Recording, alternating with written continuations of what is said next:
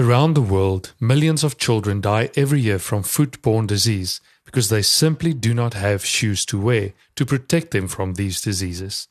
This is where Samaritan's Feet comes in. Samaritan's Feet is a South African non-profit organization that is affiliated with Samaritan's Feet International, and they serve impoverished children who do not have shoes. We are blessed to have the founders of Samaritan's Feet, Manny and Tracie Ohonme, as well as the CEO of Samaritan's Feet South Africa, Hermien Louw, with us in studio today. Manny and Tracie have amazing stories of how all of this started, and Hermien will tell you at the end how you or your congregation can get involved too. I really hope you enjoy this episode.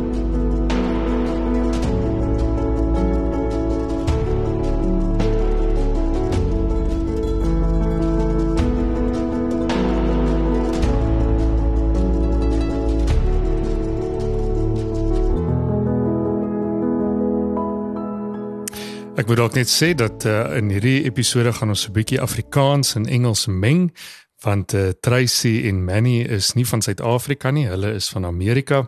So Tracy, Manny and Hermine, thank you for being here and welcome. I think let's start uh, by asking Manny and Tracy, where do you guys come from? Uh, we actually uh, uh, we live in the United States. We live in Charlotte, North Carolina. Uh, but you can tell from my accent, I come way, way far from the other oh, side. Yes. I was born in Nigeria, but I live in the United States of America now. How long have you been living in the US now? I've been in America for almost 35 years. Wow. Hmm.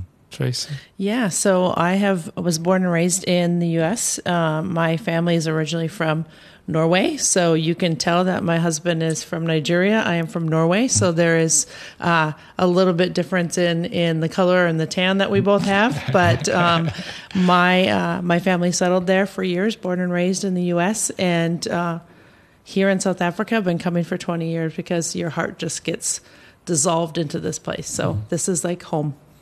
I think the question on everybody's mind right now is how did you two meet? That's a really great question. So, um, my husband actually, that let's just start and say it this way: um, it was God ordained that we met. Mm-hmm. Um, my husband can share a little bit about his story, but literally came to my small town of three thousand people to the school and the university that I was going to, and uh, was one of the only people I can tell you that came from Africa to my hometown. um, and before that, he had a dream about who he was going to meet and marry, and so. Uh, that's the rest is history. Let's just say we both studied well, or some of us worked and studied in the library, and others attended activities in the library where I was involved. wow, what an interesting story. Manny I know, like more than 30 years ago in Lagos, something happened, something big that had a huge impact on your life. Would you mind sharing?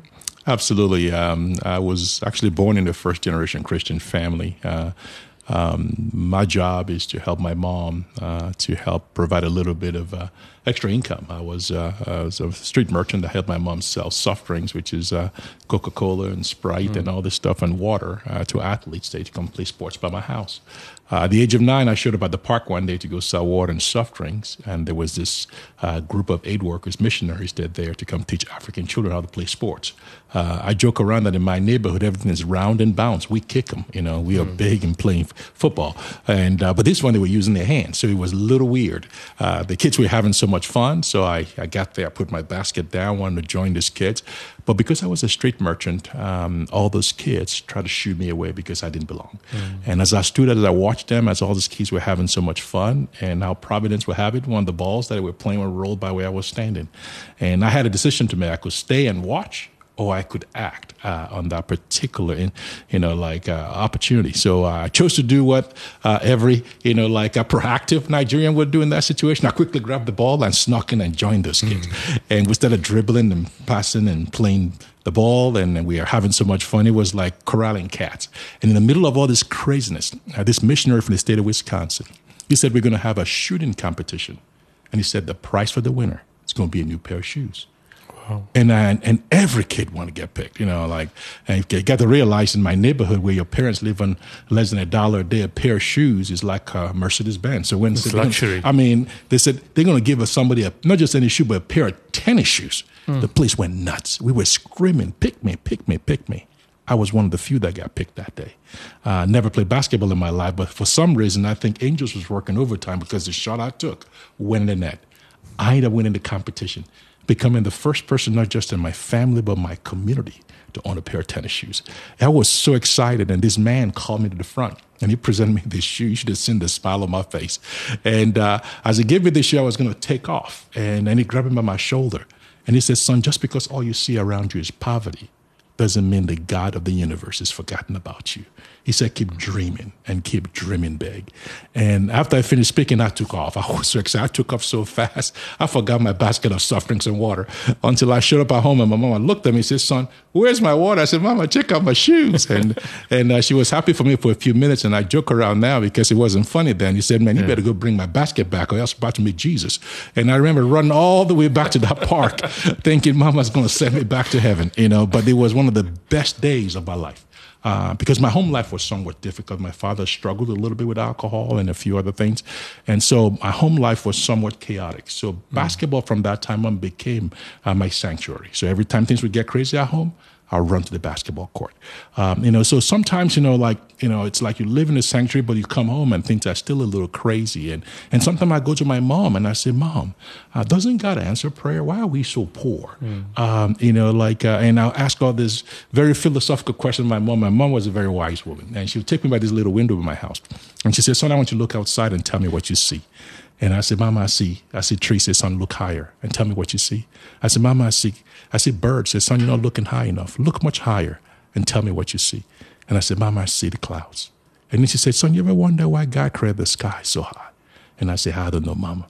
And she said, so poor boys like you can dream uh, real high. I said, never make excuse for life. Just because today may be a crappy day doesn't mean tomorrow ain't going to be a great day. As long as my God is on the throne, she'll say, son, you can do all things to Christ who gives you strength. So I started believing what my mom said. I started playing basketball. Uh, eventually, I finished uh, my uh, sophomore year, my junior year, going my senior year in high school. I remember going to, my coach. I said, Coach, I would love to go play basketball in America. And the coach looked at me and he laughed at me. and he said, Son, you're not big enough. You're not fast enough. You're not good enough. I said, I joke around and I say it's one of the greatest encouragers I've ever met. Mm-hmm. And, uh, but, I, but he said, Son, you have courage. And uh, he said, I'm going to give you some names of schools in America. I doubt if anybody's going to give you a scholarship, but if anybody does, I'll write you a letter of reference. Well, fast forward a few, few months later, I ended up getting five scholarships to go to America. Uh, I didn't know much about America. I heard about New York, Los Angeles, and Houston, Texas. I said, I picked the school with the best looking brochure. Mm. Uh, I think God was setting me up. I didn't realize I was going to pick North Dakota, which is the coldest place in the entire world. Yes. But one of the most beautiful person there was waiting on me, even wow. though she worked at the library. I think this rumor has I was one of the best students on campus because I was studying a lot in that library. Uh, a few years later, I got a chance to connect with this amazing lady. Uh, but it was so great. School finished. I got my undergrad, my master's, um, got into software business. I was trying to I kind of see how God has worked in my life. Um, my father, because of his choice to abuse his alcohol, eventually caught up with him. Uh, eventually was diagnosed with cirrhosis of the liver, and uh, my father was dying. But through that process, my father came to know Christ. Uh, two weeks before my father passed away, my father accepted Christ as Lord and Savior. Wow. And uh, I remember going back after my father passed away to go bury my dad, and uh, showed up at my home where I grew up in, and uh, I forgot how poor we really were. Mm-hmm. it was so bad I couldn't even use the bathroom in my own house. I had to go across the street to this park where I used to go sell those water. And when I came out of that bathroom, I looked across the horizon and saw those children with no shoes. I said, what if I can start coming to help children like this? Um, and eventually, I then learned that over 300 million kids woke up in Africa with no shoes on their feet. Eventually, mm. that over a billion were infected what the world called neglected tropical disease that was affecting millions and millions of kids. I said, somebody ought to do something about this. At that time, I didn't realize that somebody was going to be yeah. me. Well, fast forward, fast forward later, five years later, uh, my wife and I, I came back to America. Uh, we decided uh, to start an organization called Samaritan's Feet. With a vision to go put shoes in the feet of 10 million people, we said, you know what, we're just not going to give them shoes. Uh, we're going to humble ourselves like Christ commanded, and we're going to wash every single recipient's feet. If they have wounds, we'll bandage their wounds. And we get the chance to ask them one of the most important questions of their life What's their name? And what's their dream. Uh, because God has a name for them. And He's placed a dream in their life. And we want to be able to use that opportunity, not just to wash their feet and give them shoes, to be able to activate hope and their dreams and to remind them that the God of the universe hasn't forgotten about them. And uh, think about that. That started in 2003. Uh, the first trip we came to was to Mitchell's Plain, South Africa. It's amazing that we're back here. Last year we came back to serve our 10th million. It's amazing what God can do when you avail yourself and make yourself available to the King of Kings and the Lord of Lords. So you've reached your goal of giving it out 10 million shoes, pairs of shoes. It's amazing. Uh, I think it sounded so crazy when we first started, when we told our friends that we're going to go put 10 million feet of kids. Mm. They said, Manny and Trace, you guys have gone cuckoo. Mm. You know what 10 million is? I said, I don't know, but I serve a God uh, that knows every single sand on the shores of the sea across the world. So he knows what 10 million is. As long as he's the one that called them, called us, he'll make provision to bring it apart. And uh, last October, we came back here to that place in Mitchell's Plains to go serve our 10th million person. And now we're looking at the prospect and said, could we be that audacious to be able to actually go after that goal to help create a world where there be zero shoeless people? What a story. Tracie, and your story? Yeah, so a little bit about uh, my heart and Emmanuel's heart. I think, as as you've heard um, Emmanuel mention, or Manny, his name is Emmanuel. Which, when you have a name like that, why would you have a nickname? But that's for another podcast. Um, I will mention that uh, while my husband had a brief encounter with a guy that he remembered, it's the power of one. Hmm. It was one person that came on that trip. And I think so many times we forget the power of one because there's so much need, there's so much opportunity to do good, there's so many things around us that we can be involved with. Um, for me, I came from a, a divorce background. My parents were divorced when I was 12. Uh, remarried when I was 13. Out of that time, and because of this ban, and my my husband and I have some similar similarities with our fathers abusing alcohol and just some other things that that uh, affected them and affected that trickles down to all of our family units, mm-hmm. right? So during that time, um, my mother experienced um, opportunities where my father didn't pay our home mortgage, didn't pay our home bond, I guess we would call it here. Yeah. Um, I've experienced going through what it's like to have the government help you with food stamps is what we would call them in the U.S. Here, you know, it's your milk and bread and your um, government cheese. I I know that feeling of being the person standing in line receiving the gift, right? And there's a big difference between the receiving of the gift as a handout or a hand up. And we never want to be a handout. And that's why it's so important for us, not just because of our faith, but because of the opportunity to give with dignity. Um, I know what it's like to be on both sides of the line. Mm. Uh, and I know what it feels like to sometimes feel less seen on the side of the line that's receiving versus the one giving. And so um, for me, it's very important, as Emmanuel mentioned, that we know that person's name, that that person that we're receiving, whether that's Zayden or Abigail or Tracie or Manny or Hermien, or uh, that that the name is known because God took the time to have us come into this world. And regardless of the parental upbringing we have, regardless of the circumstances that we're in, um, regardless of the moments that we find ourselves in, we are more than the moments. We are more than our circumstances. And we have been given a name that we are fearfully and wonderfully made. And so I feel that every person in the world deserves to know your name matters, who you are mm. matters, what your dream matters, because God created you for a solution to the world's problem. And even on your worst day, when you don't feel that, there's such resilience in all of our hearts, but there's such resilience in the children of this world today that if they just remember who they are in Christ, they, they're more than conquerors. We can conquer the world, and it just takes the power of one person to do one nice thing that propels you to the next day, that propels you to want to do something mm. nice for the measure with which you were ministered in. And so that's just a small snippet of, of my story and, and why I'm passionate about encouraging people that we can't just give. We can't just stand in line and pass out. That's easy.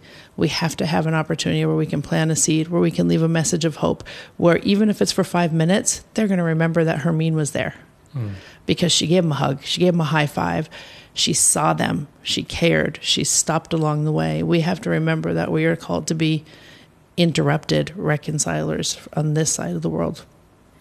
What do you think needs to happen within our minds to start seeing the people that we give to not as a hand down receiver of a hand down, something that's being handed down, but a hand up? What needs to change on our inside? I think the biggest thing is the mindset that we are we are but one decision away, one opportunity away. I said earlier being born in the US, I was born in the US, you were born here. I didn't make that choice, but what we do with the decisions and how we can impact is to remember that empathy and to remember that we can be there too and what that feels like. And that's why I say I can see both sides of that line because um, I think whether you have or have not, there needs to be an understanding that everything we've been given, little or abundance, is the Lord's. And what we do with it, we have a responsibility Yes. to. We're going to throw some Afrikaans into the mix. um, Baie dankie. ah, there we go. Right. Hermien, jy is die CEO van Samaritans Feet in Suid-Afrika. Uh, vertel vir ons net so 'n bietjie wat jou rol is in Samaritans Feet. Ek gaan so 'n bietjie voor dit begin. Ek dink um elkeen kom by 'n organisasie of by 'n plek uit met 'n storie waar wat hulle gestap het, 'n pad wat hulle gestap het. En my pad het begin met Samaritans Feet waar ek genooi is in 'n tyd wat ek nie regtig rigting geweet het wat nou vorentoe, wat nou die volgende stap is nie. En daar het ek die voorreg gehad om te gaan sit by kinders, by hulle voete en oogkontak te maak met hulle en vir hulle te kan um iets gee wat hulle kan onthou en ek praat nie van die skoene nie. Ek mm. praat van daai oomblik van ons kyk mekaar in die oë en ek ons sien mekaar raak. En ek gebruik juist die woord mekaar want ek dink daar is ook dis nie een rigting nie. Dit is twee rigting. Ook as jy dan ingekoop is in daai gedagte van ons sien mekaar se menswees raak, dan dis amper asof jy nie dan anderster kan as om betrokke te wees by so 'n organisasie nie. So my groot rol is nou um hoofsaaklik om mense bymekaar te bring. Uh ek is nou die leier van die organisasie, so the bucket stops at my at my feet. Maar um die gedagte is dat ons net altyd deursigtig is, dat ons doen wat ons sê ons doen, dat ons daar waar ons fondse kry, dit um so hanteer met integriteit en dat ons die waardes van die organisasie voluit sal leef. So dit is amper vir my die beginpunt van wat my rol in Samaritans Feet is, eerder as dan nou wat alles daarmee saamgaan um, as Rolf as CEO om um befondsers te kry om mense te kry wat deel is van die organisasie om 'n span bymekaar te sit om te kyk na wat elkeen moet doen um en almal bymekaar te hou en dan soos ek sê die belangrikste vir my is dat dit met integriteit gehardloop word. Don't you want to share two testimonies or stories, Afrikaans or English, of what you experienced in South Africa um, with regards to the work that Samaritan's Feet does? Yeah, well, um, my my English is very Afrikaans, so I think both too. listeners in Afrikaans and English will understand it at the end. Um, it's interesting. Some of my highlight stories are connected to the story behind, behind the shoes. One of my favorite um, moments was where a teacher who was washing the child in her class's feet burst out in tre- tears. And when we started to connect with her and ask her about what's what's hmm. going on, what is the situation, she said, "You know that this experience is now changing the way I'm going to be educating the children hmm. because I'm seeing another side of a child." So often we are stuck in that day to day, we have to do this, the child needs to write his exams, that you miss out the child behind the being or the being behind the child. Um, and that reminded me that exactly what Tracie said, we're one person away. And that moment changed that teacher's connection with all the children in her future career. So that was a very, very special moment for me. Um, another story that we experienced was um, we saw a little girl and she was wearing socks, she was wearing shoes. And when um, one of our volunteers started to, to engage with her and she asked her, Can I wash your feet? Um, and she took off the shoes and she started taking off the socks. It came, she was wearing three pairs of socks. And she said, But what is happening here? And she said, Ach, Tannie, hierdie sokkies het gaatjies op verskillende plekke sodat my voete nie moet koud kry nie. Sure. So it, the holes weren't in the same space. Her feet were warm, but she had to wear three pairs To cover to get to that holes. point. Um, and what stood out for me is not only the situation there with the socks, that's what we were there and we were addressing that, but the fact that she was so positive, so optimistic. She, she didn't go and sit down in the dumps and say, okay, oh, I'm not going to go to school because I don't have the right socks, etc., etc. And it happens. When it happens, um, there's also a reason for that, and that's also part of what we want to, to, to influence and change. But her positivity, there's a winner. and she just needed that person to connect with her and to say, but you can be more than your circumstances now. Look, mm. today is the change in your, and you're going to take the step into your future. Mm. I'll be absolutely wrong if I say that Samaritan's Feet goes to places and hands out shoes. So, what happens on an outreach? Because it's more than just handing out of shoes. Well, we tell people all the time that we run one of the largest footwear humanitarian organization that has very little to do with shoes, hmm. Because we are in the hope dealing business. Uh, hope for us is this four-letter acronym uh, where we help and encourage health outcomes. Uh, uh, we help create opportunities for people. Uh, we help advocate for peace uh, by bringing people in unity as one. And, and we want also to also create a pathway access to education. So when you look at the four letter, that's what we go do. And, and what, how we do that is, uh, I think Hermien spoke a little bit about, you know, how we wash their feet and how we help provide dignity and we help inspire hope. Um, you know, everybody can play a role from the greeters that welcomes the kids to the ones that sits them down to the one that serves them to the one that go runs and grabs the shoes to the ones that feed them, whatever the role is. Uh, you know, we've got a role for everybody to play. But at the end of the day, the person that sits in front of that recipient, it could be a child, it could be a homeless, it could be a senior citizen, whatever it is, uh, get the chance to interact with them in a very intimate and very special type of way. I still remember projects that we started, actually started in Zimbabwe, eventually in Burundi and Rwanda where you know, when they had the wars between the Hutus and Tutsis in uh, in, in, Burundi, uh, I remember the president inviting us to come after the war, saying uh, we need to be united as one. Uh, and and it's crazy to think about at this at these two distributions where all these people were together, right? Uh, uh, you've got the Hutus, the Tutsis, the Twas, people that used to kill each other. the president said, "How do you look at your fellow human being in the eyes once you've lifted their feet?" And wash their feet.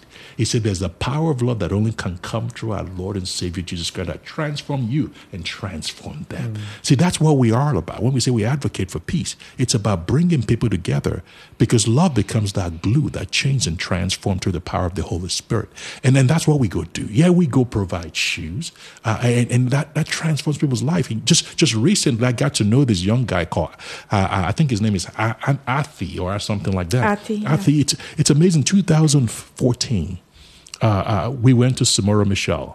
Uh, I don't know, Sir Lowry's Pass. Actually, it was Sir Lowry's Pass, where we go, went and serve kids. And this kid, um, you know, was was impacted by the outreach of what Hermien and the team does here in South Africa. but but fast forward, his life was so impacted that um, now he's joined the team of Samaritan's Feet. Wow. You know, but but it's, it's, it gets even better because I think in terms of like last year we came to come serve at 20, you know, a 10 million person at 20 a year. Uh, and, and we showed up at this place in Mitchell's Plains, the same place not too far from there where a group of people, I didn't even know this. We went, I mean, our, our excitement was to go wash a 10 million person's feet. Well, at the end, we did wash that 10 million person's feet. His name was Zaydin and it was pretty amazing. I mean, very emotional. At the end of that distribution, we went across the street into the Frog Center where we actually we're going to come together at the end of our distribution to kind of reflect, to hear, and see what were some of the God moments. And it's crazy. Uh, everybody went across the room, the tables. The last table was the table with police officers. And and I didn't even know this man was there. This man stood up and he said, "You don't know who I am, but when I was a little kid, you guys came to my township." You give me a pair of shoes. He said, you know, like those shoes were actually too big for me, uh, but I begged to have them because that was going to be the only shoe I had. And I wore it till it fit me and I wore it out. He said, I'm here today. I wasn't actually supposed to be here. There was another police battalion that was supposed to come, but they canceled. They, they asked for a substitute and I came. And once I showed up on site, I looked around and said, why does this look so familiar? Mm. And he brought him back. To when he was a little kid. Oh. It's amazing to think about how God knew at that day that he needed to show up to remind us all that nothing he does by accident. So, so when we tell people that we in the hope dealing business, it's about resurrecting and inspiring hope in people and remind them that they can be that one that deals that hope forward to change people's life. Yes, we create an environment to wash feet and put shoes on people's feet, but what we're actually doing is planting seeds of hope, reminding them that one day they'll be the one to help pay this stuff forward. It It may be true shoes, it may be true something else, but whatever it is, I pray that that interaction will bring transformation to create ripple for generations to come. Oh, that's so precious. Tracie, give us a small look into your heart. When you do what you do, how does it feel? Mm. Wow, that's a that is a really big question. Um, when I do what I do, I feel like I'm doing my job for why we were placed on this earth, right? I feel like, um, and I mentioned it before, and Emmanuel has, and Hermien has, um, we have a responsibility with our lives, right? Uh, back to our Lord and Savior, and that's who who my boss is. Mm. Um, and so I think at the end of the day, it's it's um, it's a feeling of home. It's a feeling of completion, of um, not walking past a need and meeting it. You know, there's a reason why we're Samaritan's feet. And there's a reason why I said we need to be interruptible reconcilers. Um, because we were placed on this world for a purpose. And when we we uh, decide what that purpose is, and we, I should say, when we find out what that purpose is, we marry it with our passion, we have an unstoppable platform for His kingdom. Um, and reminding ourselves that we are kingdom citizens, and with that comes a requirement to do more than what our flesh and blood tells us, but to walk in the spirit and truth of what He has called us to become and to do. And so the feeling is, I guess, um, completion and hope because in all of those children's eyes we see our future generation and if we're not imparting what we know and what we know God's calling us to do into our future generation then are we to blame or are we a part of the problem and we need to find a pathway to the solutions for our next generations in our world? Well I think we can stop right there. But I, I want to ask you Manny Emmanuel. Um, obviously, if I wanted to give another incorrect statement, I'll be saying that now that you've reached 10 million children with your shoes, you've arrived. but if I summarize you correctly, you have not arrived. So, what's the dream? You know, we just beginning. Um, you know, um, 20 years ago, 10 million seems like uh, going to the moon. Um, but when God steps in, uh, because he takes the village, um, it's not Tracie and Manny. It's not Hermien and the team in South Africa or the team in Argentina or Hong Kong or whatever they are in Ghana. Um, it's all of us. Uh, it's, it's the one that gave. It's the one that washed. It's the one that served. It's the one that went. It's the one that prayed. It's the one that that that that packed the shoes. It's the one that, that you know. Just everybody has a role. But what's next for us is could we be that audacious to believe that God could use us to help create a world where there'll be zero shoeless people? And to do that, we think we can't just do that just strictly um, by charity. Uh, we think we can actually employ a market-based solution to help bring transformation to the world. Um, we think Samaritan's Feet has done a phenomenal, phenomenal job and is going to continue to do an amazing job. We're one of the best last mile charities out there. Um, that we can go as far as Sudan and, and as, as, as way up as, as Canada or Alaska. Um, we can go to all, and we serve now. We serve in 109 countries around the world, over 269 plus U.S. cities and communities. But, but part of what is next for us is that can we create um, you know, opportunities to actually manufacture shoes closer to the places where the biggest needs are. So part of what we've been working on is looking at a secondary focus beyond Samaritan's feet. So Samaritan's feet can continue to do what we do to wash feet and deliver shoe and deliver hope for people. Uh, so what's next for me is how do we take uh, this vision that was birthed out of Samaritan's Feet to go create um, a, a, shoe manufacturing entity, which we've actually started in Ghana. Um, it's a new social enterprise to manufacture shoes that will allow us. Actually, I'm wearing one of those shoes today. right here. It's uh, very cool. World Shoe, and, and, and, and to allow us to be able to fight that disease. Uh, that it's got an antimicrobial in there. It's got a biodegradation accelerant, so we're not an environmental nuisance. And, and then so people that supports uh, uh, this product gets to help provide shoes for children in need while saving their lives. That's next for us. Uh, how do we allow people in Ghana to have jobs? How do we allow people in South Africa to have jobs uh, to help make the shoes, distribute the shoes, and provide opportunity for kids to go to school? Uh, that's next for us. But how do we eradicate foot-borne disease in our lifetime? How, how do we use the shoes as an incentive for people that need to be able to have vaccines to be able to take those vaccines? Because some of them don't want to take these vaccines. We've got projects that we've been doing where uh, in schools, you know, the girls don't want HPV vaccines. They don't want it. Want them in. But when they know they're getting shoes for school, they come to school and, and we use the shoes as an incentive. So, so that's next for us. How do we partner with some of these major organizations, major church denominations, uh, major schools across the world, major corporations across the world to team up to help tackle this problem and until every single one of that 1.5 billion people in the world has a pair of shoes, but more importantly than shoes, has hope, then our job is not done. It sounds to me like you are trying to create a whole chain, like almost like a supply chain, where the whole chain can be a vehicle of ministry. Amen. Okay. So, um, Ermine, I want to ask you. Um hier is baie kerke in Suid-Afrika, hier's baie gelowiges in Suid-Afrika, baie organisasies wat hierna luister en dink, "Hey, maar ons kan op 'n manier deel word van hierdie chain, hierdie hierdie ketting van die vervaardiging van die skoene, die uitdeel daarvan, die connection met kinders. Uh hoe raak 'n individu of 'n gemeente of organisasie betrokke? Dit is die opwindende deel van dit alles. Ek dink dit is belangrik om net stil te word en dan te sê hier is ek, Here. Hmm. En dan te hoor wat jou verantwoordelikheid is. Want ek dink ons almal het 'n verantwoordelikheid teenoor die mens links en regs, voor en agter jou. Uh so op 'n praktiese vlak kan hulle betrokke raak net daar waar jy is.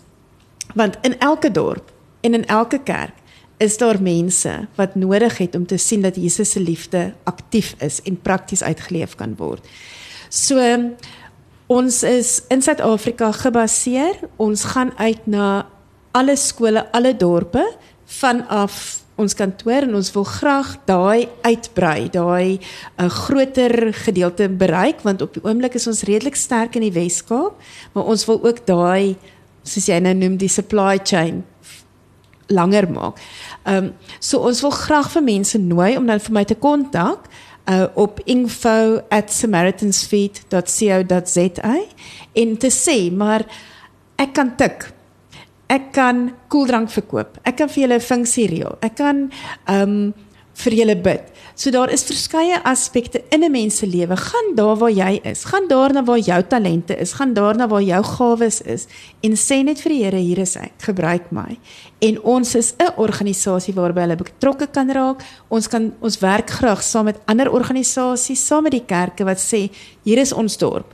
En ons wil ook graag sê soos wat Manny nou voorgesê het, zero shoeless children in the world zero shoeless people. Wil ons dit ook elke keer net daar in jou klein gemeenskap zero shoeless hierdie gemeenskap, hierdie kerk, hierdie skool. Want op daai manier kan ons dit dan laat groei en daai ripple effek tot gevolg hê. So my kontakbesonderhede kan hulle my direk kontak en net vir my sê, "Wat stel jy voor? Hoe kan ek betrokke raak?" Dit is my besigheid wat ek het. Ons wil 'n CSI program hardloop. Wat kan ons doen? Want ons het ek het ek is 'n groot ondersteuner van die uitdrukking wat sê it takes a village to raise a child. Mm. It takes a village to um take people to heaven. ons het mekaar almal nodig en en dit is ons moet net opstaan en sê hier is ek Here stuur my. Ons het al die kontakbesonderhede van Samaritan Suite Suid-Afrika in die beskrywing van hierdie podcast, so gaan loer gerus daar hoe om met Termin kontak te maak. Then I want to close off and ask you if we're talking about the fact that it takes a village to raise a child. People, children, will know that God loves them when God's people start loving them first. Amen.